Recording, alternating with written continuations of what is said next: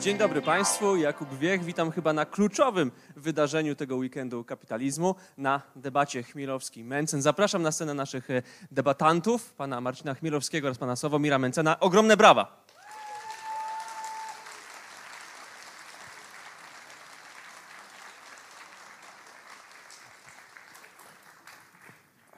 A zebraliśmy się tutaj, żeby omówić sprawę bardzo ważną, sprawę, która wyszła niejako w toku debaty pomiędzy oba panami, ale przeprowadzonej no, zdalnie, e, takiej korespondencyjnej debaty, mianowicie po co liberałom Konfederacja? Po co to ugrupowanie osobom, które identyfikują się jako liberalni wyborcy w Polsce? E, I to pytanie od razu skieruję do pana prezesa Mencena. Po co liberałom Konfederacja? Nie, no uważam, że pierwszy na to pytanie powinien odpowiedzieć pan doktor Chmielowski, który rzucił tą tezę. Chciałbym, żeby ją uzasadnił najpierw, ponieważ mi wydaje się już na pierwszy rzut oka absurdalna ta teza, że nie jest potrzebna, więc jakby uzasadnił, to ja z chęcią się odniosę. Słucham was. Okej.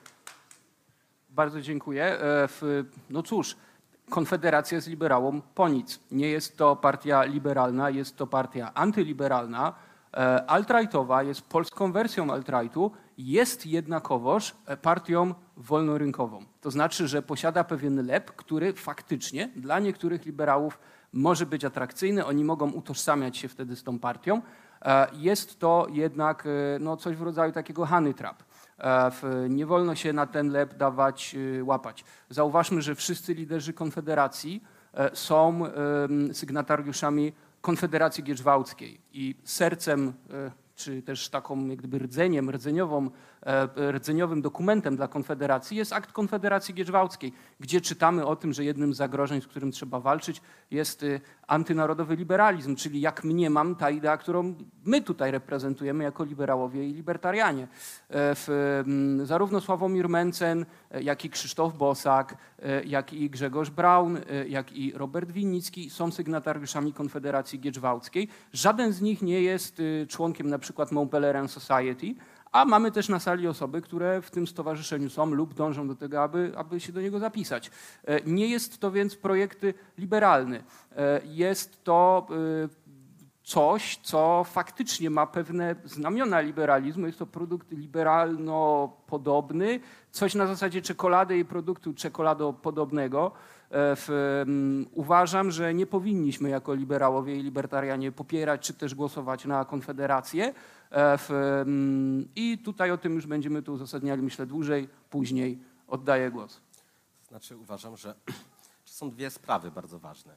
Pierwsza jest taka, czym w ogóle jest liberalizm, kim są liberałowie i co oni mają w głowach i do czego chcą doprowadzić. A druga, jeżeli oni już istnieją, to na kogo powinni głosować. No ja problem z liberałami mam taki, rzeczywiście nie określam się sam jako liberał, wolę się określić jako konserwatysta, ponieważ liberałowie całkowicie skompromitowali się w ciągu ostatnich trzech lat. Uważam, że jeżeli ktoś nazywa się liberałem, a przez poprzednie trzy lata siedział cicho i udawał, że nie widzi tego, że mamy najbardziej opresyjne rządy w zasadzie od chyba dekad. Mieliśmy okres, w którym nie można było wychodzić z domu, nie było można dziecka posłać do szkoły, nie można było pójść do szpitala, nie można było prowadzić swojej własnej firmy, ponieważ jakiś urzędnik ją zamykał. Nie, spowodowało to wszystko olbrzymi kryzys gospodarczy, który został zalany tanim pieniądzem, który obecnie spowodował inflację.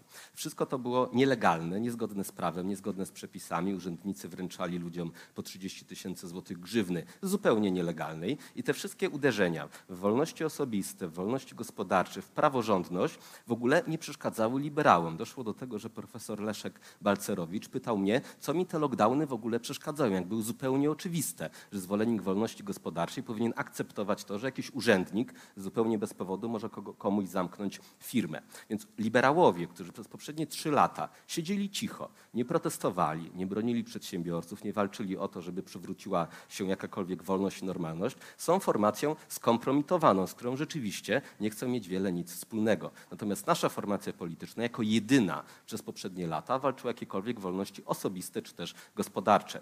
To niestety się y, nasila i kontynuuje, e, ponieważ jesteśmy świadkami wprowadzania tej, e, tego planu klimatycznego Fit for 55, który ma sprowadzać się do tego, że będzie ograniczała nadalej nasza wolność gospodarcza oraz wolność osobista. E, Są plany tego, żeby zmuszać ludzi do remontu ich mieszkań, żeby zakazywać im kupowania samochodów z silnikami spalinowymi i znowu liberałowie siedzą cicho, wręcz można odnieść wrażenie, że popierają te wszystkie antywolnościowe, antyludzkie rozwiązania.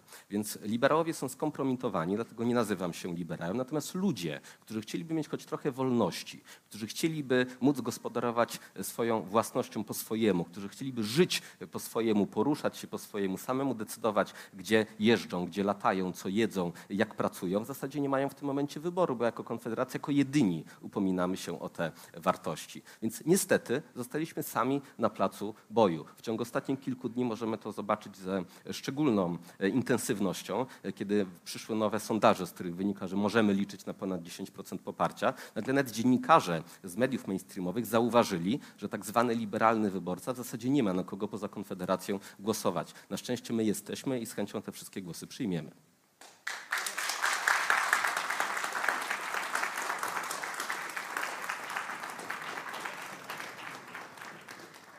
Przyjemnością odpowiem, ponieważ y, co do zasady nie zgadzam się z większością tego, co Sławku powiedziałeś. E, Nie było i nie jest tak, że Konfederacja była jedyną siłą polityczną, która opowiadała się przeciwko lockdownom. Jest to kuriozalne. A kto jeszcze? E, Nawet, słuchaj, Kto bardzo... jeszcze? Popatrz nawet na to. Ustawę posłowie- umożliwiającą lockdowny poparli posłowie- wszyscy posłowie tego Sejmu poza posłami Konfederacji. Ale, wszyscy. ale kiedy te, Ale mówi nieprawdę. Ale kiedy, y, ale kiedy było, były interwencje poselskie, to nie tylko posłowie Konfederacji interweniowali, nawet posłowie Lewicy interweniowali. Dość sławna czy znana sprawa, jeśli chodziło o re, restaurację trzech, y, trzech braci w Cieszynie. To był poseł Koperski, poseł Lewicy. E, mamy rzecznika małych i średnich przedsiębiorstw, e, który przecież zajmował się sprawą, e, akcją dla, dla biznesu. Tam w samym pierwszym miesiącu było ponad 3400 beneficjentów, ludzi, którym on pomógł. Ponad 400 e, e, różnych organizacji prawnych, kancelarii e, pomagało i stworzyła się cała taka duża sieć. Owszem, Konfederacja apelowała i to bardzo często słusznie przeciwko tym e, błędnym założeniom, ale nie byliście jedyni. Naprawdę nie byliście jedyni. jedyni nawet posłowie nawet tej poseł Koalicji Obywatelskiej, e, król w Katowicach też chodził i pomagał otwierać te knajpy i też tam były interwencje poselskie, dokładnie takie same jak wasze. To znaczy nie twoje, bo ty posłem nie jesteś, ale twoich kolegów z klubu. Jak najbardziej tak. E, Więc absolutnie nie mogę się z tym zgodzić. E, To prawo było głupie i było złe. E, To prawda, wy jako jedyni e, zagłosowaliście przeciwko niemu, ale później doszło do tego, że wszystkie mądre postulaty tego, żeby biznes otwierać, zostały utożsamione z poglądami w rodzaju, że p- 5G przynosi koronawirusa. Bo niestety bagaż, który za sobą ciągniecie, który jest trochę jak taki wagon węgla za koniem, czyli Grzegorz Braun i to całe Towarzystwo Kamrackie, no to to są ludzie, którzy po prostu kochają Inbę i dla nich nie ma poglądów, które nie można obrzydzić. E, I to jest też ten duży problem dla nas, dla liberałów i dla nas, dla libertarian. My bardzo chcielibyśmy mieć normalną partię polityczną, liberalną, a ja ci nawet powiem więcej. Mnie totalnie nie obchodzi, czy partia, która wprowadzi mi liberalizm w Polsce będzie się nazywała konserwatywna, będzie się nazywała liberalna, czy nawet socjalistyczna. E, Był taki przecież przykład w Nowej Zelandii, że to niby, że teoretycznie socjaliści, ale wprowadzali wolny rynek. Tylko, że w przypadku Konfederacji ten koszt ewentualnej liberalnej zmiany jest niesamowicie drogi. Jest niesamowicie drogi. E, Po pierwsze, już samo wprowadzenie liberalnych posłów do Sejmu e, jest możliwe i udawało się bez partii Konfederacja. Kuba Kulesza, który ma już przecież całkiem długi staż parlamentarny, wchodził z partii Kukiz. E, Więc y, mamy co najmniej jeden przykład, że nie jest potrzebna tutaj Konfederacja do tego. Posłowie nowoczesnej są jacy są. Ja mam większe zaufanie, szczerze mówiąc, do młodzieżówki nowoczesnej, do młodych nowoczesnych niż do samej partii, ale jak na realia Europy, a także Polski, jest to wcale liberalna partia. Wcale liberalna. E, I to też jest możliwe. Wy tak bardzo obrzydziliście ludziom cały termin liberalizm, pod który się podpinacie, że najbardziej wolnorynkowa posłanka, bo najbardziej wolnorynkowym posłem jest Kuba Kulesza, który już w Konfederacji nie jest. Najbardziej wolnorynkowa posłanka, czyli Klaudia Jachira, woli się zapisać do lewicowej partii. To jest niesamowite, bo po prostu nikt nie chce z wami współpracować. Wasza zdolność koalicyjna to w tej chwili już jest właściwie tylko PiS. No, No to bo jest kto właśnie ten inny? problem, że ja mówię o.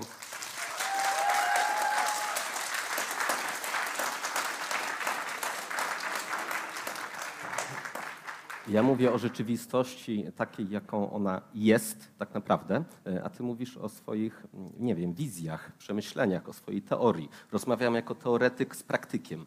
Praktyk... Ale ja jestem, ja jestem praktykiem wolności, a ty jesteś jej teoretykiem. A nie, nie, nie, nie, nie, nie, nie, nie. nie. Gdzie jestem teoretykiem wolności, a nie praktykiem? Sam powiedziałeś, że jesteś przede wszystkim konserwatystą. Bo z konserwatyzmu wynika umiłowanie wolności. Tak. Właśnie to wynika z konserwatyzmu. Wszędzie, gdzie się atakuje wartości konserwatywne, gdzie się atakuje tradycyjne wartości, dochodzi do zniewolenia, dochodzi do y, zniszczenia indywidualności, zniszczenia wolności osobistych czy gospodarczych. To jest zawsze taki sam proces. I dlatego właśnie trakcie COVID-a najskuteczniej i najgłośniej przeciwko tej paranoi covidowej właśnie protestowali konserwatyści, a nie liberałowie. Właśnie dlatego, że wynika to z naszego światopoglądu. Teraz ja mówię o rzeczywistości. W rzeczywistości w polityce liczy się tylko i wyłącznie siła. Siła jest jedynym znaczeniem, którego, jedynym czymś, co kogokolwiek w ogóle interesuje. Mówisz, że my nie mamy żadnej zdolności e, koalicyjnej. Właśnie my mamy zdolność koalicyjną, bo jeżeli obecne sondaże się potwierdzą, to bez nas się rządu zrobić nie da. Będziemy mieli sprawczość, będziemy w stanie wpłynąć na to, jak dalej będzie wyglądać Polska. I chcemy wpłynąć właśnie w tym kierunku, żeby były niskie i proste podatki, żeby była wolność gospodarcza, żeby państwo przestało się e, interesować spółkami Skarbu Państwa, żeby była wolność. To jest coś, na czym mi zależy i idziemy w kierunku uzyskania tej sprawczości. Od wielu lat budujemy swoje środowisko, budujemy partię polityczną, budujemy swoje zaplecze, budujemy też poparcie, które cały czas jest coraz wyższe. Kiedyś na jakimś tam forum wolnościowym mówiliście, że my nie przekroczymy 1%, potem mówiliście, że walczymy o 3%, potem, że o 5%. Pół roku temu że słyszałem, że walczymy o 10%. Za pół roku się dowiem, że my walczymy tylko o 15%. Ale tak, my bardzo ciężko pracujemy i z roku na rok mamy coraz wyższe poparcie, coraz większy wpływ na rzeczywistość. I różnica pomiędzy nami jest taka, że wy tylko mówicie, a my realnie działamy.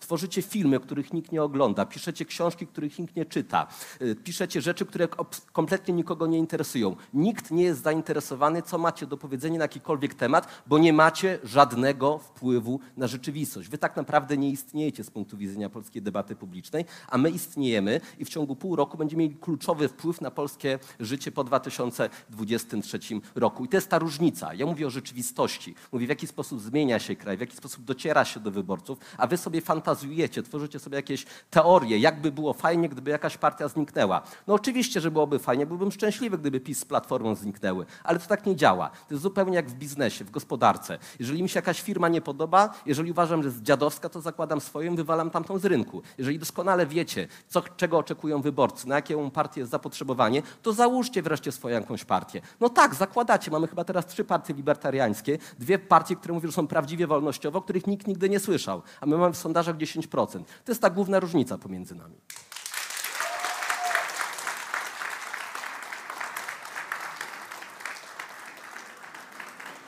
Akurat y, krytykiem partii libertariańskich, tych takich typowo kanapowych, o których tu powiedziałeś, jestem nie mniejszym niż ty. Również uważam, że te pomysły są kuriozalne. Nie sądzę, że w ogóle libertarianie w Polsce mogliby mieć swoją własną partię polityczną, bo samych libertarian jest 4,3%.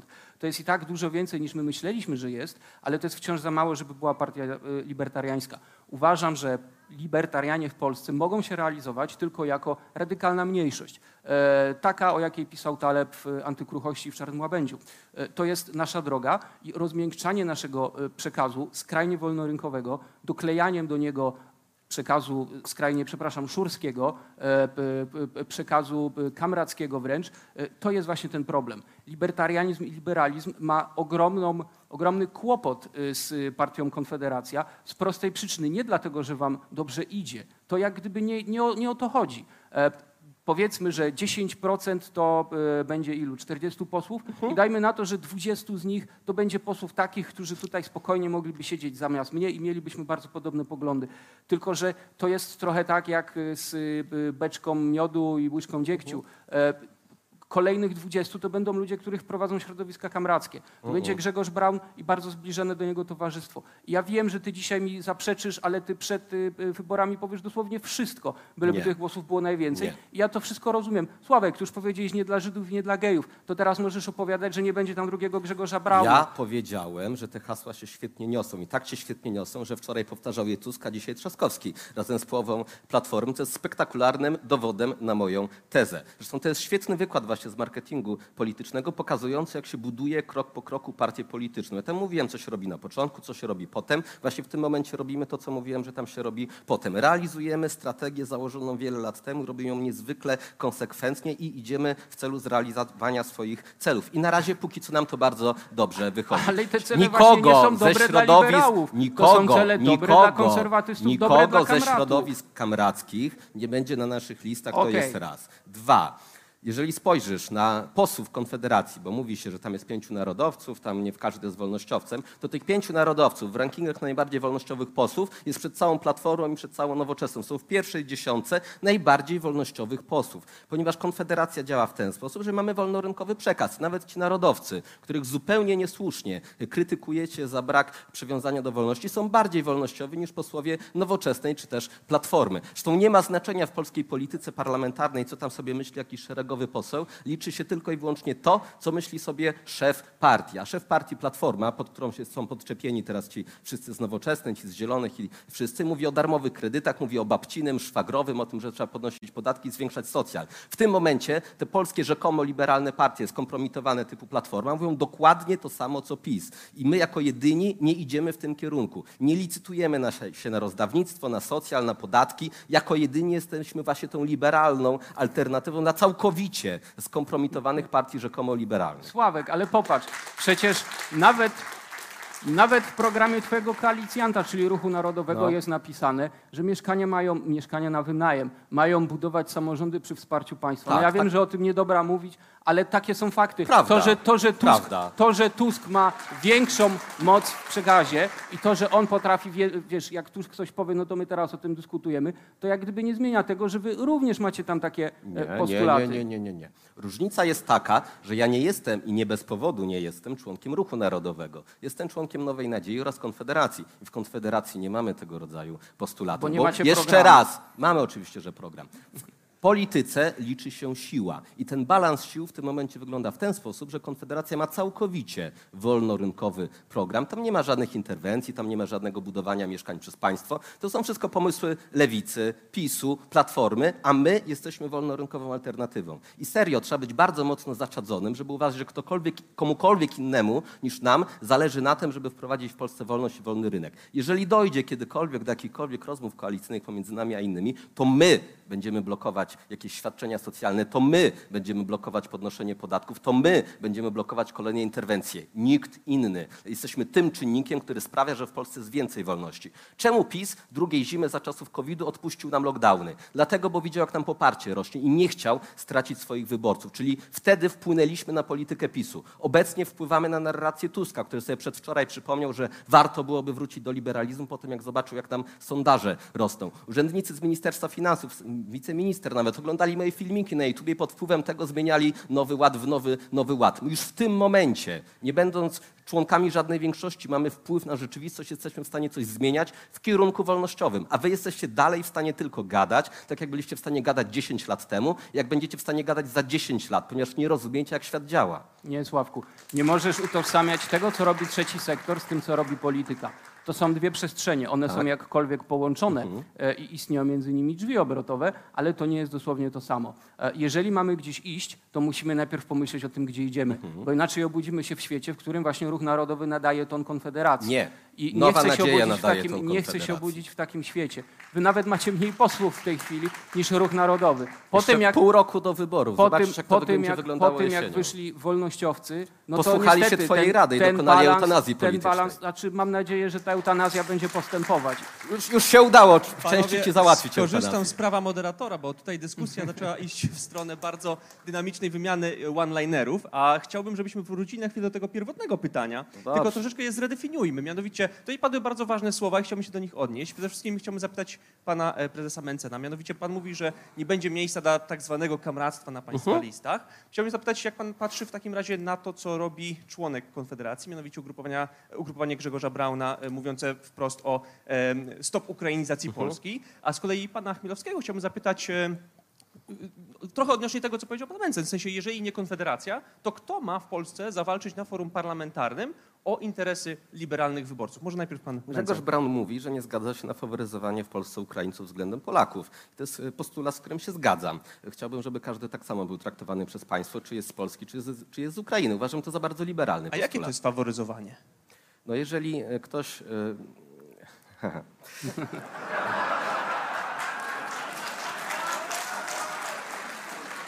To jest temat, na który ja się zasadniczo nie wypowiadam, ponieważ go nie czuję, nie czuję się w nim biegły. Natomiast jeżeli ktoś mówi, że nie zgadza się na faworyzowanie Ukraińców względem Polaków i załóżmy, chociaż to chyba nie jest prawda, ale załóżmy, że tego faworyzowania nie ma, to z czym problem? Znaczy, ja mam problem z tym, że ktoś na scenie politycznej mówi to, co mówi, jednocześnie... y, O, dobry przykład. Pszenica z Ukrainy importowana do e, Polski. To jest problem, oczywiście, To jest ja się olbrzymi, zgadzam. żeby Tylko, Państwo że wiedzieli, na czym polega problem, bo być może nie wiecie, pewnie nie wiecie. E, Polscy rolnicy są spętani mnóstwem regulacji unijnych co do chociażby hodowli zwierząt, czy też no, hodowania, nie wiem, żywności, tak? Natomiast ukraińscy nie. Doszło do otwarcia granic i ta ukraińska pszenica jest sprzedawana do Polski. Jest ewidentnie znacznie tańsza, ponieważ Ukraińcy nie mają tych regulacji na głowie. Dochodzi do nieuczciwej konkurencji. Uważam, że to jest faworyzowanie jednych to względem jest problem drugich. gospodarczy, ja się z tym zgadzam. Drugi to jest, transport, branża transportowa, gdzie również firmy tylko- białoruskie są e, faworyzowane względem Polski. To jest kwestia, powiedzmy, y, gwałtownych działań, które zostały podejmowane pod presją czasu wynikającą z wojny na Ukrainie. Mi chodzi raczej o No. pewnego rodzaju jątrzenie na dużą grupę ludzi, którzy napłynęli do Polski wskutek prowadzonej Nie. przez Rosję Ja wojny. zawsze mówię, że Ukraińcy powinni być tak samo traktowani jak Polacy. Niech się utrzymują ze swoich własnych pieniędzy, niech płacą podatki, niech pracują, zakładają firmy. Nie ma z tym żadnego problemu. Czyli nie przeszkadza panu to hasło stop ukrainizacji Polski. Jeszcze raz, ja nie widzę zbyt wielkiej ukrainizacji Polski. Widzę takie szczegóły, na przykład w sprawie tej pszenicy, gdzie rzeczywiście dochodzi do faworyzowania. Natomiast różni ludzie mogą mieć różną optykę, być może widzą coś innego. Ja odpowiadam za to, co sam mówię, odpowiadam za to, jaki jest kierunek naszej partii. Mieliśmy konwencję pod koniec lutego i tam nie było, w ogóle chyba słowo Ukraina ani razu nie padło. Rozumiem. A czy w takim razie y, ugrupowanie Grzegorza Brana w obecnym kształcie będzie miało miejsce na listach Konfederacji? Oczywiście, że tak. Dziękuję. E, Panie Marcinie, pytania do Pana. Kto, jeżeli nie Konfederacja? Bo tutaj e, padło właśnie e, takie stwierdzenie, że e, jest to jedyna siła, która ma szansę realnie współtworzyć pewną politykę państwa co do postulatów liberalnych. Więc kto, jeżeli nie Konfederacja? Na początku jeszcze się chcę odnieść do tego, co, y, y, co Sławek powiedziałeś. Jeżeli ty będziesz unikał wypowiadania się na tematy ukraińskie, tak jak powiedzieć, że nie czujesz się w tym ekspertem, to tych ekspertów w partii będziecie mieli właśnie takich jak Grzegorz Braun. To jest ten problem. Ty przez pół roku nie powiedziałeś nic na temat wojny na Ukrainie, Nieprawda. bo czekałeś na schedę po Nieprawda. dziadku i aż Nieprawda. ten spadek ci wpadnie. Nieprawda. To jest tragedia Pod koniec lutego straszne. nagrałem filmik na YouTubie o wojnie na Ukrainie, który miał pół miliona wyświetleń. 20 razy więcej niż film który miał największy, 26 tysięcy o Misesie, e, tak? E, czy o krakowskich ekonomistach, nie pamiętam. W ciągu dwóch tygodni nagrałem półgodzinny filmik na ten temat, puściłem mnóstwo tweetów i wpisy na Facebooka. Jeden miał 60 tysięcy lajków. Więc nie mów, że nie wypowiadałem się na ten temat. Lajkokracja. Nie lajkokracja. Tworzyłem treści, które docierały do milionów użytkowników, tak? Twojego głosu nie słyszałem w porównaniu z moim głosem. Co ty powiedziałeś na temat wojny z Ukrainą? Bo ja nie słyszałem. Regularnie piszę felietony na ten temat. Jakby je wszystkie dodać, to miały mniej wyświetleń niż mój jeden wpis na ten temat. Jeszcze śmiesz mi mówić, że ja się nie odzywam na ten temat. Nie odzywałeś się. Czekałeś, aż będzie scheda Ale ile czekałem? Czekałeś przez pół roku. Nieprawda, przecież to są kiedy wpisy z twoi lutego. ludzie grasowali, Ale ty mówisz- Kiedy twoi ludzie grasowali w terenie i Przepraszam, ja mówili, że trzeba odkopię. sprawdzać, czy przypadkiem czarnoskórzy nie przyjadą na, y, y, do Polski przez wojnę na Ukrainie, to ty to odpuszczałeś. Trzeba było wtedy się zachować w porządku. Moim zdaniem tego nie zrobiłeś. checking. A teraz y, p, p, p, p, pozwól, że chyba, że czekam, aż sobie tam Mi to chwilkę zajmie. Możesz mówić więcej. Dobrze. E, uwagę. Kwestia, kwe, kwestia y, kto jeżeli nie Konfederacja. Po pierwsze, liberałów w Polsce jest jakieś 20%. Y, Jesteśmy tą grupą, y, która politycznie na dobrą sprawę w ogóle nie ma swojej reprezentacji. Y, Konfederacja nie jest, naszymi, nie, nie jest naszą reprezentacją, nie reprezentuje nas w dobry sposób, reprezentuje wolnorynkowość co najwyżej i to już jest nieźle, nie mówię, że to Początek jest marca, E, 571 natomiast- tysięcy na wojnie na Ukrainie. Gdzie mówiłem, że trzeba wspierać Ukrainę i że w naszym interesie jest zwycięstwo Ukrainy. Podtrzymujesz te słowa teraz? Że... No tak, zawsze tak mówiłem. Od samego początku mówiłem to samo, że trzeba wspierać Ukrainę i że w naszym interesie jest zwycięstwo Ukrainy. Od samego początku to mówiłem. W związku z czym albo w ogóle nie przygotowałeś się do tej debaty, albo zwyczajnie kłamiesz. Już sobie wybierz, którą wersję wolisz.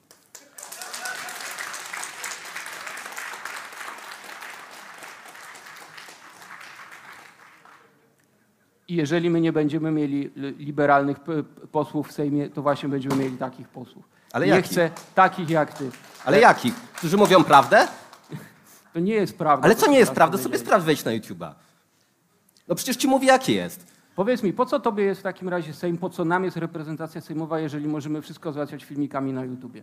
Nie jestem w Sejmie, więc komunikuję się z wyborcami filmami na YouTubie, Facebookiem, TikTokiem, Instagramem, rozmową z dziennikarzami. W ten sposób działa świat, że przekazuje się swoje treści wyborcom, odbiorcom. I chodzi o to, żeby to zrobić skutecznie, żeby do ludzi dotarł nasz przekaz. I robimy to bardzo dobrze. Odwojowaliśmy młode pokolenie. Według ostatnich sondaży 37% mężczyzn do 40 roku życia popiera Konfederację. To jest dobry wynik. Mamy bardzo wysokie sondaże w tej grupie do 39 roku życia. Za 10 lat to się przesunie do 49 roku życia. Odwojowaliśmy młodych ludzi lewicy. To są olbrzymie sukcesy, z których będziemy czerpać latami, bo my pracujemy, staramy się, robimy coś, a ty tylko cały czas gadasz. To jeszcze na ogół rzeczy oderwane od rzeczywistości. Ponownie podkreślam, inna jest rola trzeciego sektora, inna jest rola polityki. To, że odwojowaliście młodzież, to wcale nie odwojowaliście jej dla sprawy liberalnej, No odwojowaliście ją jak dla nie? A sprawy o czym ja mówię? Jaki jest mój przekaz? a nie sprawy Ile moich liberalnej. wypowiedzi jest konserwatywnych, a ile liberalnych? Od roku nic nie robię, tylko mówię o wolności, o wolności gospodarczej, o podatkach, o wolnościach osobistych. To jest mój przekaz, z tego ludzie mnie znają. I ludzie, którzy na ciebie zagłosują, bo niewątpliwie tacy będą, e, będą głosowali za tymi postulatami, a dostaną takie rzeczy, jak dostali ostatnio. E, Kiedy było głosowanie nad Lex TVN, Konfederacja uchyliła się. E, A to była sprawa czysto wolnościowa, to była kwestia wolności słowa, po prostu. E, Kiedy było głosowanie za, e, kiedy było głosowanie za sędzią do Trybunału Konstytucyjnego, który miał wchodzić e, p- prawa ręka Ziobry, pięciu ludzi z waszej Konfederacji, co tu dużo nie mówić, zagłosowało na tak, poparło go. E, I to są te, to są A te może problemy, to porozmawiamy o głosowaniach nad kontrowersje. 13, 14 emeryturą, wszystkimi tymi świadczeniami, gdzie Platforma razem z PiSem to wszystko popierała, my jako jedyni byliśmy przeciw. Nie możesz y, stwierdzić, że ja popieram to, co, co za czym głosowało czy Platforma, czy PiS.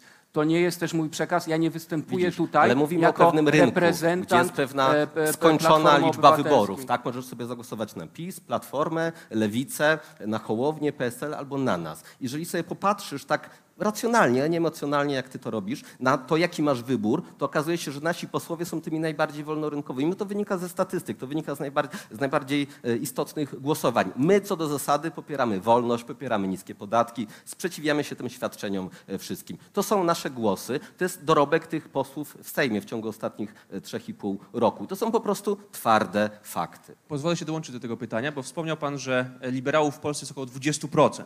To ja zapytam e, cytatem z Enrico Fermiego, gdzie oni wszyscy są? To znaczy, na kogo oni głosują? Jeżeli głosują w dużej części albo w większości na Konfederację, no to znowu wrócę do mojego pytania, czy może jednak Konfederacja jako wehikuł polityczny dla liberałów ma rację bytu? To znaczy te głosy się dzielą. Dzielą się na Konfederację, na Platformę czy Ko- Koalicję Obywatelską.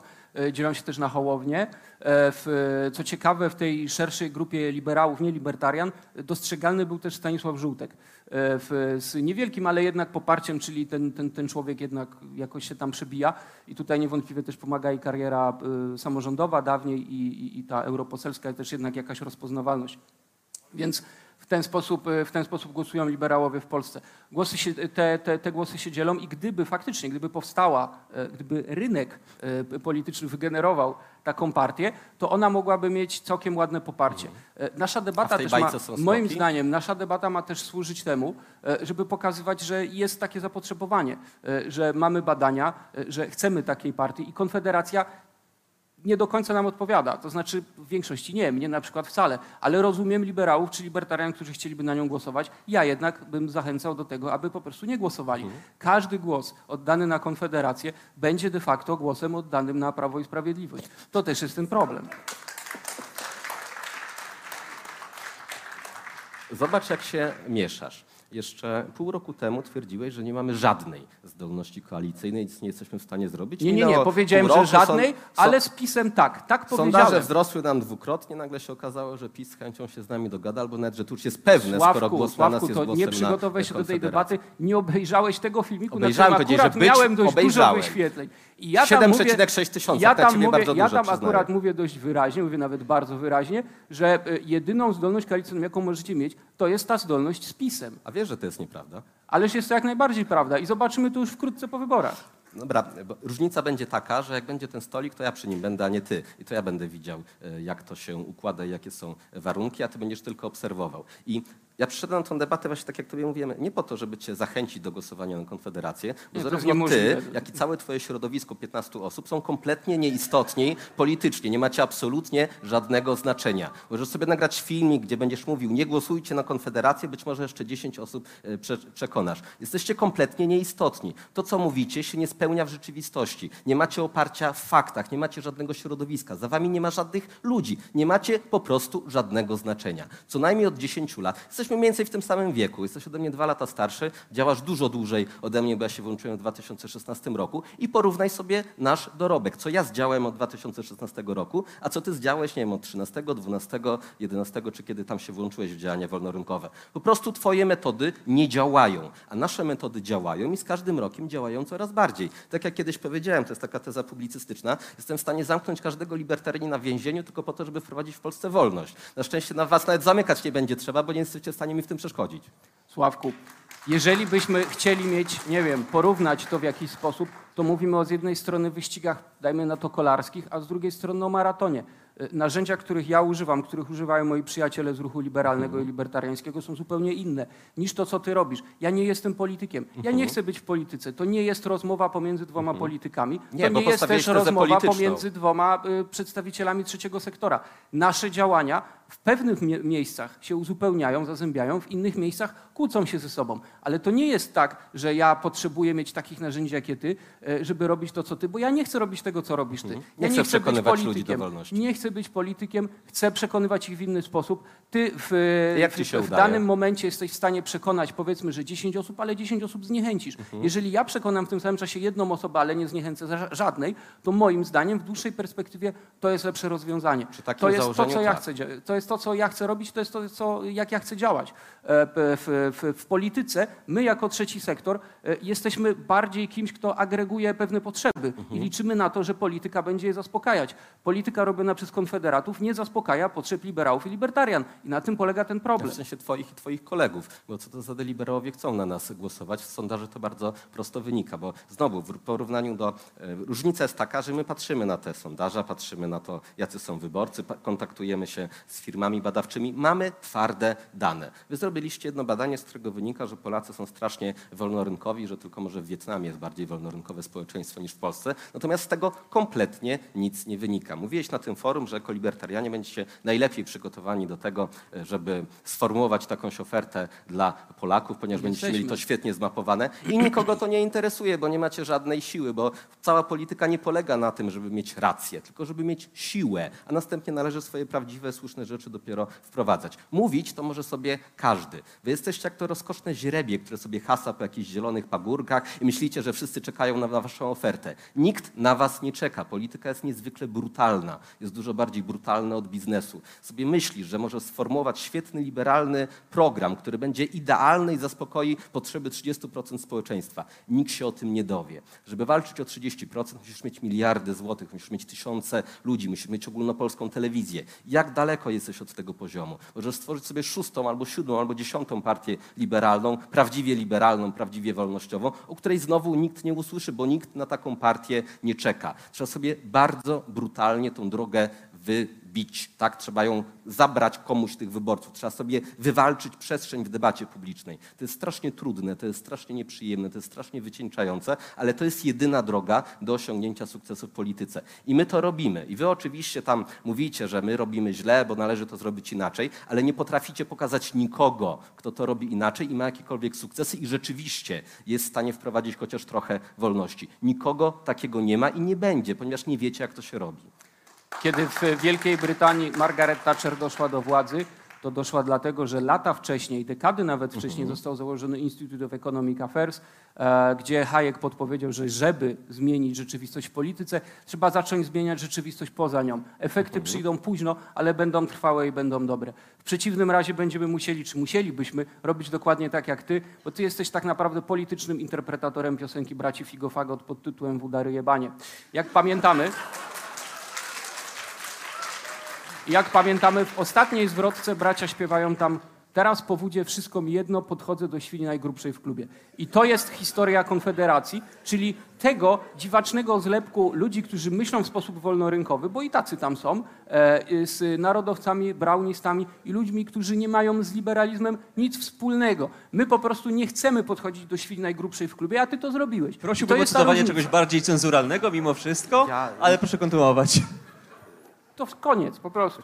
Ciężko mi się Woda odnieść. Nie mam ryjebanie i takich- władza też ryjebanie. Nie mam takich doświadczeń, ani nie wiem do końca do czego referujesz. To też są moje odległe mi, nie wiem, dzieła kulturalne. Nawet nie znam żadnej piosenki tego. A powinieneś Pozdrawiamy słuchać Bartosza tego, co Walaszka. słuchają twoi wyborcy. Możliwe.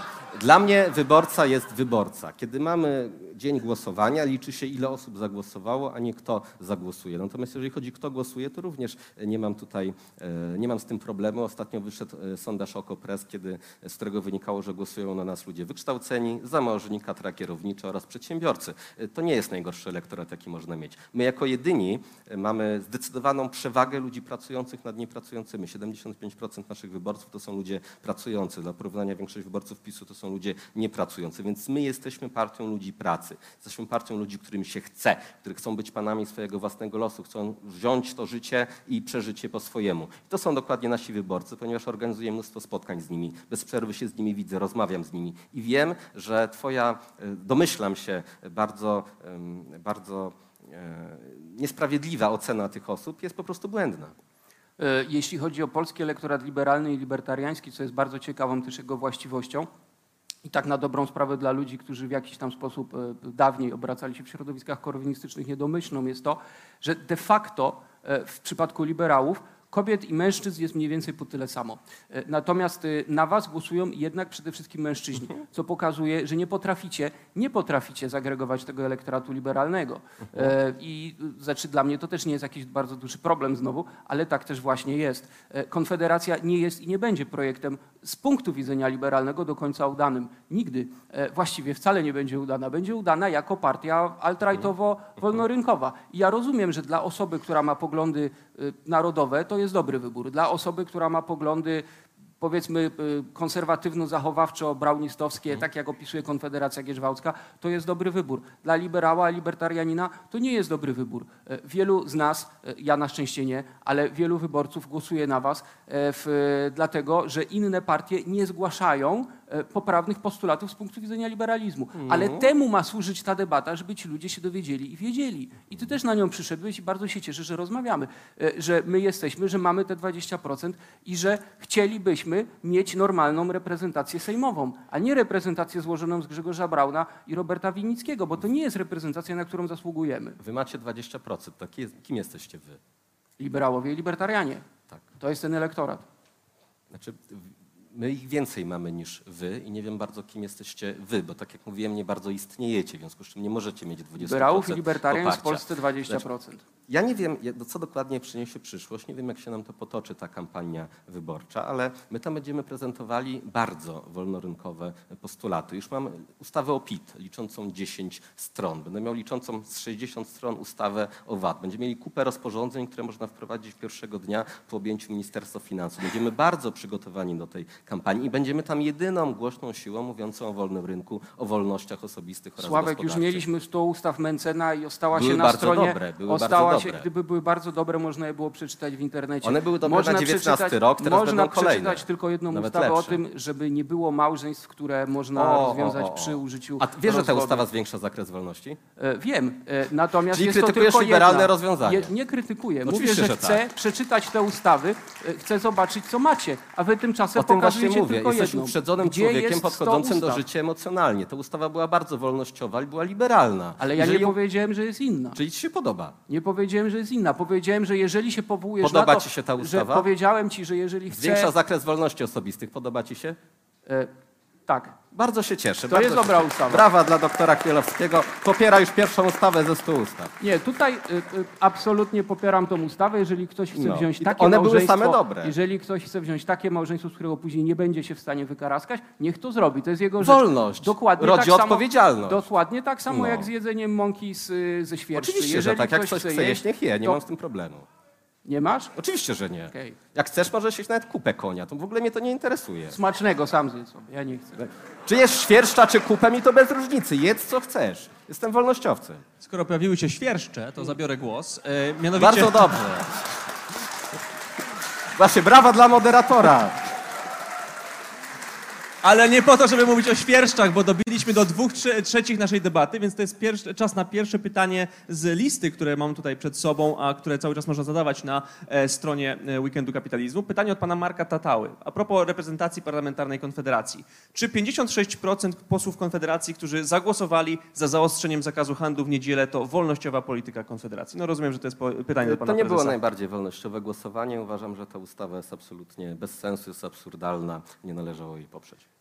To w takim razie zapytam może taki follow-up do tego, do tego e, pytania, bo Konfederacja, Konfederacja wejdzie do Sejmu jako pewna e, koalicja różnych ugrupowań e, i w ramach tej koalicji też będziecie Państwo musieli Mhm. utrzymać pewną jedność kosztem kompromisów w zakresie Mhm, swoich tak własnych jest. wartości. Jakie postulaty takich ugrupowań jak Ruch Narodowy czy jak Partia Grzegorza Brana będą realizowane w ramach polityki Konfederacji? Jak skończymy negocjacje, to będę wiedział. A czyli teraz jest na razie ustalane, tak? Oczywiście, że tak. To jest pewien proces. Różne, e, używamy przede wszystkim argumentów. Interesuje nas bardziej to, co jest słuszne, a nie to, co ktoś e, popiera. To jest bardzo ważne, żeby toczyć przede wszystkim merytoryczną krytykę. W wielu sprawach narodowcy mają rację i należy wtedy im przyznać tą rację. Zwłaszcza, że e, nie chcę wchodzić w szczegóły. W każdym razie no jest zupełnie oczywiste, że w trakcie rozmów nie będę ujawniał kulis tych rozmów, więc bardzo mi przykro, ale nie jestem w stanie odpowiedzieć na to pytanie. Natomiast z mojej perspektywy e, komponent wolnorynkowy w kolejnym Sejmie będzie dużo silniejszy niż w poprzednim. Dziękuję. Pytanie teraz do pana Chmielowskiego, mianowicie jaka była metodologia badania dotyczącego poparcia dla wolnorynkowych poglądów w polskim społeczeństwie? Mhm. Tak, próba była reprezentatywna. My zrobiliśmy sondaż na y, tysiącu osób. E, Najstarszy miał 93 lata, nasz ankietowany, najmłodszy 18. E, Ustaliliśmy sobie, zrobiliśmy indeks liberalizmu, który bada coś, co nazwaliśmy też metawolnościami. E, Zadaliśmy pytania najpierw filtrujące, a później pytaliśmy się o konkretne kwestie, żeby dowiedzieć się, jakie rzeczy Polacy najbardziej by chcieli, jeśli chodzi o sprawy e, związane z liberalizmem. To, co jest istotne, to jest to, że postulaty światopoglądowe są wymieszane z postulatami ekonomicznymi. To znaczy, że żeby wprowadzać liberalizm, musimy mieć partię, która będzie wolnościowa zarówno w ten, jak i y, y, tamten sposób. To znaczy, że musi być wolnorynkowa i kapitalistyczna, e, ale e, musi być też e, za no, światopoglądową, e, wycofaniem się państwa e, z decydowania o, o ludzkim życiu. E, I nie chcę tutaj mówić o tym, że e, czekamy, czy, czy że wyszło nam w badaniach, bo właśnie nie wyszło nam, że oczekujemy partii takiej socjal-liberalnej. Wcale nie. E, Właśnie e, na tym liberalizm polega, że państwo nie ingeruje e, ani od strony prawicowej, ani od strony lewicowej i to faktycznie wychodzi. Mamy 20% y, y, takich wyborców w Polsce. E, Dlatego ta debata jest potrzebna po to, żeby po prostu, żeby, żeby to nagłaśniać. Po to się też spotykamy. To teraz prowadźmy to wszystko do konkretu. Mianowicie pytanie jest adresowane co prawda do pana Mencena, ale rozszerzę je o obu panów. Chodzi o e, pobór do wojska i e, stosunek państwa do tej instytucji. Zacznę może od pana Mencena. W świecie idealnym nie potrzeba byłoby armii, nie potrzeba byłoby wojska. Niestety nie żyjemy w świecie idealnym, żyjemy w świecie, w którym obok siebie mamy mocarstwo atomowe, które może chcieć nas zaraz zaatakować i w naszym interesie jest to, żeby mieć jak najliczniejszą armię, która sprawi, że tej wojny w ogóle nie będzie, ponieważ koszt zaatakowania nas będzie wyższy. W związku z czym popieram oczywiście szkolenia po maturze. Nie mówię o tym, żeby powoływać jakichś 30-latków, bo to kompletnie bez sensu. Natomiast dobrze byłoby, żeby młodzi ludzie umieli strzelać, umieli się odnaleźć w wojsku. Dlatego, ponieważ kiedy dojdzie już do tej wojny, to oni i tak zostaną powołani do wojska. I teraz doświadczenia e, wojenne w zasadzie wszystkie są takie, jeżeli ktoś nie jest przeszkolony, to na tym froncie zaraz zginie. W związku z czym to w interesie tych ludzi, którzy zostaną powołani, jest to, żeby wcześniej się przeszkolić. Rzeczywistość niestety wygląda w ten sposób, że jeżeli nie utrzymujemy swojej własnej armii, jeżeli nie służymy w swojej armii, to potem utrzymujemy czyjąś armię i służymy w czyjejś armii. Polacy w XVIII wieku nie chcieli utrzymywać swojej armii, nie chcieli służyć swojej armii, no to służyli potem w rosyjskiej. To wolę być w polskiej armii niż w rosyjskiej. Ponieważ e, kraby mają szczypce, to mają też pancerze. E, Wojsko jest drogie, e, ale jest potrzebne. E, Nie jestem zwolennikiem likwidacji armii czy czegokolwiek takiego. E, Jestem natomiast zwolennikiem, podkreślam, ja to podkreślam, dobrowolnych szkoleń, ale zrobionych w taki sposób, aby były atrakcyjne. Po to, żeby ludzie sami chcieli na nie uczęszczać, e, bo widzieliśmy, co się stało na Ukrainie. Nie chcemy tutaj drugiej buczy e, i w- to jest oczywiste, że każdy chce wiedzieć, którą, którym, którym końcem karabin strzela, więc jak najbardziej tak. E, Ale chcę to powiedzieć jeszcze raz. Nie popieram szkoleń, które byłyby przymusowe. Popieram dobrowolne szkolenia. Myślę, że Polacy są narodem, który na tyle chce bronić swojej wolności, e, okaleczonej, ale jednak jakiejś, e, że spokojnie byśmy na takich dobrowolnych szkoleniach mieli, mielibyśmy z nich odpowiednią ilość przeszkolonych ludzi e, po to, żeby się bronić na wypadek W.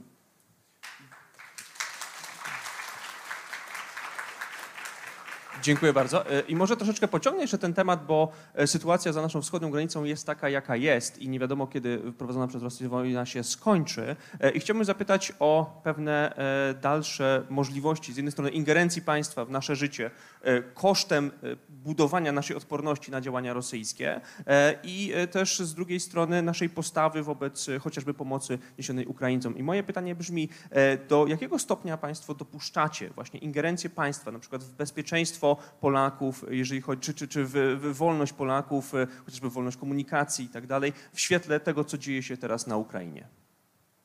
Nie rozumiem kompletnie pytania. Chodzi mi o to na przykład, czy y, możemy tutaj dopuścić pewne y, nawet rezygnacje z naszych podstawowych wolności y, w związku z tym, co teraz obserwujemy na Ukrainie. Chodzi mi o, ba- bardziej może generalnie to zadaję pytanie, ale chodzi mi o takie konkretne rzeczy, czyli na przykład konieczność podnoszenia dodatkowych danin na poczet szybkich zakupów wojskowych, ewentualnie właśnie szkolenia, które byłyby obowiązkowe dla ludności cywilnej, nie tyle wojskowe, co może nawet z pierwszej pomocy, czy jakiekolwiek inne, co odbywało się Państwo oczywiście kosztem polskie ma wystarczająco dużo pieniędzy, żeby kupić Polsce nowoczesne uzbrojenie. Niestety spora część tych pieniędzy jest wydawana na kompletne głupoty. W związku z chciałbym te pieniądze, które już są, bo ich jest bardzo dużo, przekierować na wydatki istotne, takie jak czołgi, samoloty, karabiny, amunicja, moździerze, artyleria, bo to rzeczywiście jest ważne tego nam brakuje. Musimy mieć to jak najwcześniej, ponieważ naprawdę nie wiemy, kiedy ta wojna ewentualna będzie. Możemy mieć całkowitą pewność, że Putin nie będzie czekał, aż my się uzbroimy, tylko zaatakuje nas, jeżeli nas będzie chciał zaatakować, zanim się uzbroimy. To senacja była gotowa na wojnę w 1943 roku, a niestety wybuchła w 1939.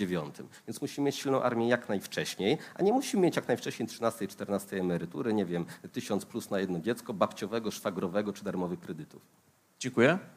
To znaczy, w, w, wygląda to w sposób następujący. Musimy być bardzo ostrożni, jeśli chodzi o miejsce koszar, e, w takich metaforycznie oczywiście rozumianych e, w strukturze e, naszego państwa. W środku miasta jest rynek, a nie koszary i tak samo powinno być w środku państwa.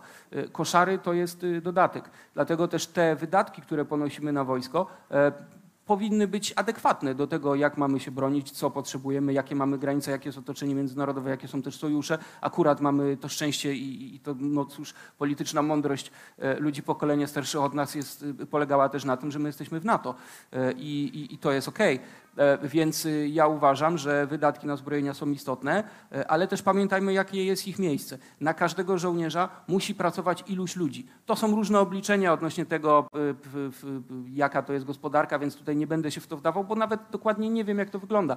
Natomiast wiem, że y, no, żołnierz potrzebuje zjeść, żołnierz potrzebuje mieć mundur, potrzebuje mieć broń, oby jak najnowocześniejszą, musi być wyszkolony. E, Więc te wydatki na armię e, muszą być odpowiednie, ale pamiętajmy, że one będą możliwe do zaspokojenia tylko wtedy, jeżeli państwo będzie wolnorynkowe, będzie kapitalistyczne, bo wtedy będzie je na nie stać. To nie jest przypadek, że jakby nie patrzeć, e, kapitalistyczne Stany Zjednoczone mają tak do, dobrą armię. Oni po prostu mają na to pieniądze. Rosja skorumpowana, e, w której kapitalizm jest y, tak naprawdę jakąś taką popłuczyną po tej idei, e, nie ma ani takiej kreatywności, ani nie ma takich zasobów finansowych, e, żeby skutecznie walczyć y, w, czy na Ukrainie, czy oby nie, z jakimś z państw NATO, albo nawet nami. Tak, miała być druga armia świata, jest druga armia na Ukrainie. Natomiast Bardzo e, dobrze. teraz zapytam pana e, prezesa Mencena, bo tutaj dostałem pytanie już o przyszłość powyborczą. E, Brzmi ono następująco. W jaki sposób Konfederacja ma zamiar wprowadzić liberalne zmiany, jeśli nie chce wejść w koalicję z PiS? Negocjacje z każdym polegają na tym, że najpierw się buduje pewną strategię negocjacyjną, a potem się ją wykonuje. I oczywiście nie będę zdradzał swoich planów, byłoby to lekko niepoważne i amatorskie. Ja nie powiedziałem, że, że wejdę w koalicję z jednymi czy z drugimi, albo na 100% nie wejdę z jednymi czy z drugimi. Nie wiem, co zrobię, nie wiem, jakie będą wyniki. Natomiast da się zmieniać świat, nie będąc członkiem rządu. Może powstać rząd mniejszościowy i na przykład uda się wytargować jakieś sensowne ustawy z jednymi czy z drugimi. Nie wiem, co będzie za pół roku, natomiast moja w tym głowa, żeby to przeprowadzić i zamierzam to przeprowadzić. Dziękuję bardzo. I teraz e, może pytanie ode mnie do obu panów. Mianowicie deklarujecie się tutaj z jednej strony jako liberał, libertarianin, e, tutaj jako konserwatysta. E, I to jest dosyć ciekawe, moim zdaniem, taka zbitka poglądów do, negocja- do omawiania tematu, który myślę, że będzie jednym z wiodących w najbliższych latach w Polsce. Mianowicie polityka klimatyczna Unii Europejskiej. Chciałbym zapytać o to, co zamierzacie z nią zrobić, biorąc pod uwagę fakt, że ona coraz mocniej dociska naszą gospodarkę. Widać, że nie jesteśmy do końca przygotowani na wprowadzanie jej rygorów. I może zacznę od pana e, Chmielowskiego. To znaczy polityka klimatyczna Unii Europejskiej jest, y, moim zdaniem, jest zagrożeniem dla nas. E, Dla, tej, dlatego, aby nasza gospodarka była wydajna, e, dlatego, żebyśmy byli konkurencyjni, żebyśmy mogli zarabiać. Nie twierdzę natomiast, że zmiany klimatyczne, które mają miejsce, nie istnieją albo są jakimś wydumanym problemem. Jest to rzecz, która faktycznie i no, będzie zagrożeniem, już właściwie nim jest. E, Sama na przykład kwestia migracji z terenów, które będą bardzo dotknięte e, zmianami klimatycznymi, no to cóż, ci ludzie będą najprawdopodobniej szukali jakiegoś azylu w Europie i to może nas kompletnie przewrócić, także gospodarczo. E, Więc to, co ja uważam, to jest przede wszystkim to, że potencjalne przyszłe polityki klimatyczne, także te, które teraz powinniśmy już realizować, nie powinny być antyludzkie. Życie żaby, życie czapli jest ważne, ale życie ludzi jest ważniejsze, po prostu. Ja tak uważam. E, Uważam tak za, e, za tym, co powiedziała Ayn Rand, e, że nie możemy doprowadzić do jakiegoś powrotu człowieka pierwotnego. Ludzie są najważniejsi, ludzie są najważniejsi, ale my nie będziemy w stanie funkcjonować, nie będziemy w stanie żyć, jeżeli nie będziemy mieli ku temu środowiska. Tak jak mamy klasyczne czynniki produkcji, czyli ziemię, pracę, kapitał, później też dodano jeszcze informacje, e, możemy je w ten sposób rozpatrywać, ale pamiętajmy, że jeżeli nie będziemy mieli ziemi, to nie będzie ani kapitału, ani pracy, ani informacji. Po prostu będzie ziemia będzie pustynią e, i, i nie będzie możliwe życie na niej. Więc ja jestem jak najbardziej za politykami klimatycznymi, które będą uwalniały ludzki potencjał i które będą czymś, co nazywamy zielonym libertarianizmem. Natomiast polityka Unii Europejskiej taka nie jest. E, To, co musimy robić, to szukać sojuszników do tego, żeby, żeby to zmienić. Tacy sojusznicy w Unii Europejskiej są.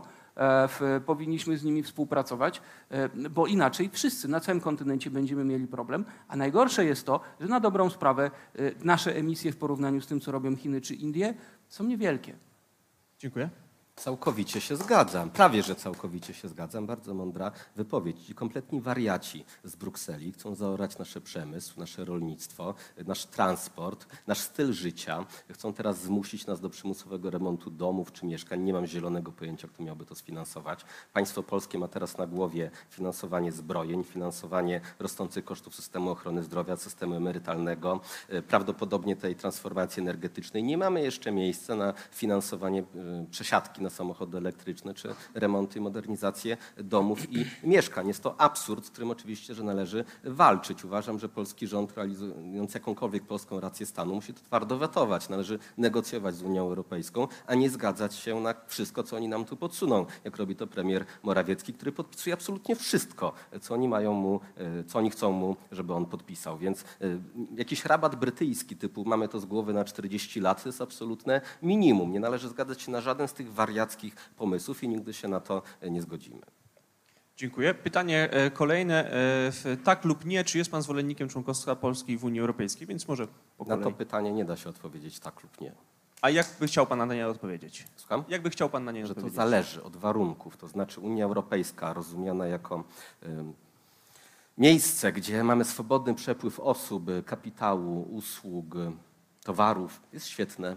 To jest bardzo dobre rozwiązanie. Ja lubię rozwiązania wolnorynkowe, ja lubię konkurencję, żeby nasze firmy konkurowały z firmami europejskimi. Natomiast absolutnie nie lubię tego, żeby ktoś w Brukseli mówił mi, czym mam jeździć, gdzie mam mieszkać, e, jak, co mam jeść na przykład, e, albo które firmy mogą w Polsce działać, a które nie, albo czy można hodować krowy, świnie czy kurczaki. Więc Unia Europejska w obecnym kształcie, a zwłaszcza w tym kształcie, którym zmierza, jest absolutnie nieakceptowalna. Całe szczęście coraz więcej ludzi w Europie to widzi. Mamy w Niemczech em, lekki bunt póki co przeciwko zakazowi sprzedaży samochodów spalinowych. FDP się zbuntowało. Ostatni sondaż w Niemczech, 67% Niemców nie popiera tego wariactwa. Mamy ostatnie wybory w Holandii, e, które na bazie tych strajków rolników przeciwko unijnej polityce rolniczej e, zrobili najlepszy wynik w wyborach. Mamy bunty we Włoszech, zwycięstwo Meloni, tam też są strajki i protesty przeciwko tej dyrektywie wywłaszczeniowej, więc Europa się budzi i przekonany jestem, że Polska może się również obudzić i przeciwstawić się tym szaleńcom i zielonym ideologom z Brukseli. To po prostu należy zrobić. To samo pytanie o członkostwo w Unii Europejskiej, tak czy nie? Tutaj zdecydowanie mogę się zgodzić co do tego, że nie jest to y, y, pytanie, na które można odpowiedzieć tylko tak albo nie. Ja po, powiedział tak, ale. To znaczy, co do zasady jestem zwolennikiem tego, żeby Polska była w Unii Europejskiej, ale zawsze musimy myśleć o kosztach i korzyściach. Y, W, y, tych, które my tutaj ponosimy jako obywatele Polski, po prostu, jako, jako Polacy.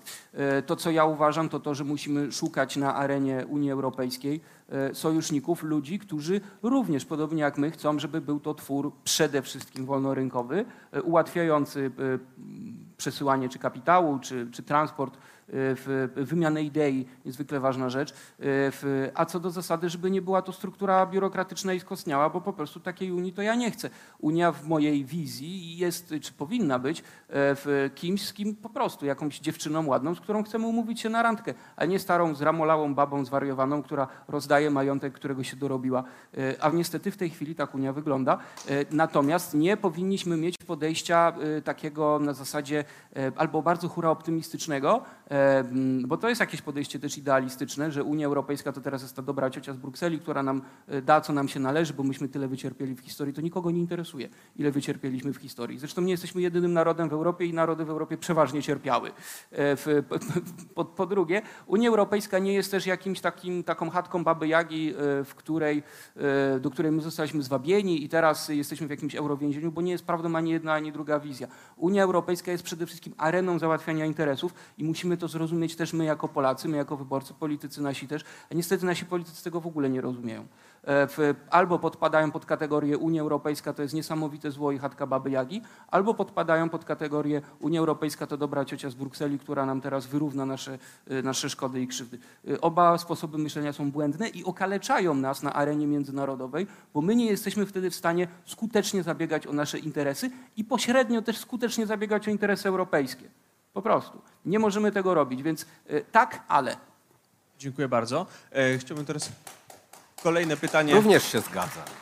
Bardzo się cieszę, że tutaj znaleźli panowie Bo my ten się w wielu wspólny- sprawach zgadzamy, po prostu kolega jest uprzedzony do Konfederacji, może myśli to, co my na większość tematów. Nie, absolutnie. E, Co do, co do zgadzamy się, co do właśnie pewnych, to tak, tak jak tutaj widać, co do pewnych Polityka e, klimatyczna, polityk, Unia Europejska, e, podatki, których naszymi adwersarzami, w których naszymi adwersarzami jest lewica, ponieważ ja mam równą awersję zarówno do lewicy, jak i do prawicy. Liberałowie i libertarianie powinni być niezależni. Powinni mieć swój, swój własny wehikuł polityczny i to spotkanie ma służyć temu, żeby pokazać, że jest takie zapotrzebowanie.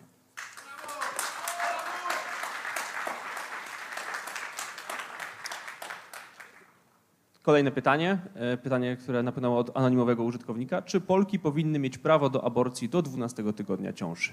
Nie, uważam, że zabijanie małych dzieci, niezależnie od przyczyny, czy są chore, czy są niechciane, jest czymś głęboko niewłaściwym i nieliberalnym.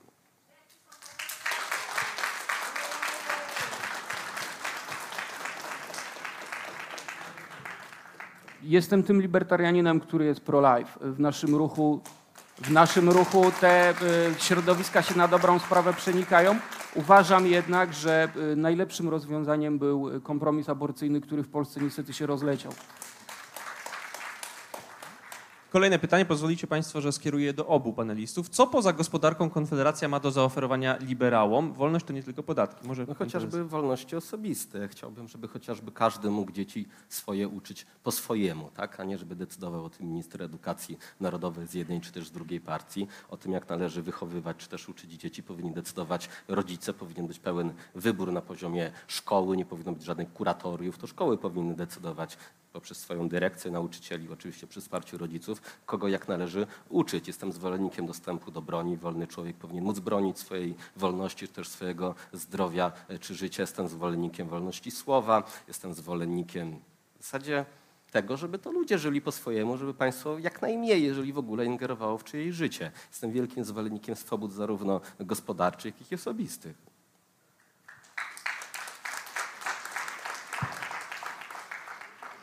Ja mam przeciwne zdanie. Konfederacja nie ma tutaj nic do zaoferowania. Mało tego, y, jedynego eksperta od edukacji, jakiego mieliście, czyli Artura Dziambora, wyrzuciliście z partii. E, I on teraz już ma swoją własną partię, ma partię wolnościowcy i został wypchnięty z Konfederacji. Więc na poziomie deklaratywnym ok, natomiast jeśli chodzi o praktykę polityczną, okazało się, że jedyny człowiek, który faktycznie byłby w stanie pracować w obecnym układzie nad tą wolnościową zmianą, został wyrzucony. Co do w- wolności słowa, no tak, chyba że ktoś obraża y, y, Twoją religię. Moim zdaniem to Znowu powinno słaby być zupełnie inaczej. E, Każdy, jeżeli tak bardzo pilnie potrzebuje obrazić cudzą religię, powinien móc to zrobić, a odpowiedź powinna być realizowana na zasadzie pozwu cywilnego, jeżeli ktoś tak Ale bardzo poczuł się dotknięty. Jestem zwolennikiem pełnej wolności o, słowa. Artykuł o obronie y, uczuć y, religijnych powinien zostać zlikwidowany po prostu. Y, I, i, i to, jest, to jest chyba jedyna opinia, jaką może wyrazić liberał. Więc moim zdaniem w ogóle cała ta sprawa z wolnościowością czy liberalizmem Konfederacji polega tylko na tym, że jest to partia alt-rightowa o wolnorynkowym przekazie, lecz ten wolnorynkowy przekaz, szczególnie atrakcyjny dla młodszych wyborców, co w ogóle nie dziwi, jest formą honey trap, jest formą pewnej pułapki. E, ludzie będą głosowali za e, niskimi podatkami, będą głosowali za dobrowolnym ZUS-em, co też jest bardzo też, no, pouczające, że to partia wolnościowcy teraz wspólnie z Rzecznikiem Małych i Średnich Przedsiębiorstw e, zbiera te podpisy, a nie partia Konfederacja. A dostaną więcej Grzegorza Brauna, dostaną więcej Roberta Winnickiego i dostaną ludzi, którzy no, powiedzą, no cóż, no, musisz urodzić to dziecko, nawet jeżeli jest, y, jest martwe. Właśnie pomimo tego, że jestem zwolennikiem pro-life, jeśli chodzi o, y, y, o podejście do aborcji, co zresztą jeden z najtrudniejszych tematów w ogóle, nierozgryzalny właściwie, y, to y, uważałem i cały czas uważam, że sprawa dotycząca tego, że mamy kompromis aborcyjny po prostu pozwalała omijać te najbardziej trudne, tragiczne Muszę wręcz tematy. sprostować, jestem zwolennikiem pełnej wolności słowa, o czym wielokrotnie mówiłem. Sprzeciwiam się tylko selektywnemu e, zwiększaniu wolności słowa, ponieważ lewica chciałaby doprowadzić do sytuacji, kiedy oni mogą mnie obrażać, a ich nie. Ja chciałbym, żeby każdy mógł się obrażać. Panowie, zostały ostatnie sekundy naszej debaty i chciałbym, żebyśmy to na zakończenie e, skończyli czymś miłym. I chciałbym, żeby wzajemnie panowie e, znaleźli w swoim oponencie jedną dobrą rzecz, pozytywną, którą chcielibyście pochwalić, a następnie to zrobili. Zacznę od pana prezesa Ja Mencena. uważam, że stabilność poglądów jest cenną cechą i Marcin jest bardzo stabilny w swoich poglądach, że nam się nie uda. Mówi to od wielu, wielu lat i bardzo cenię tą stabilność pomimo tych wszystkich faktów, które się po drodze dzieją. Świetne TikToki.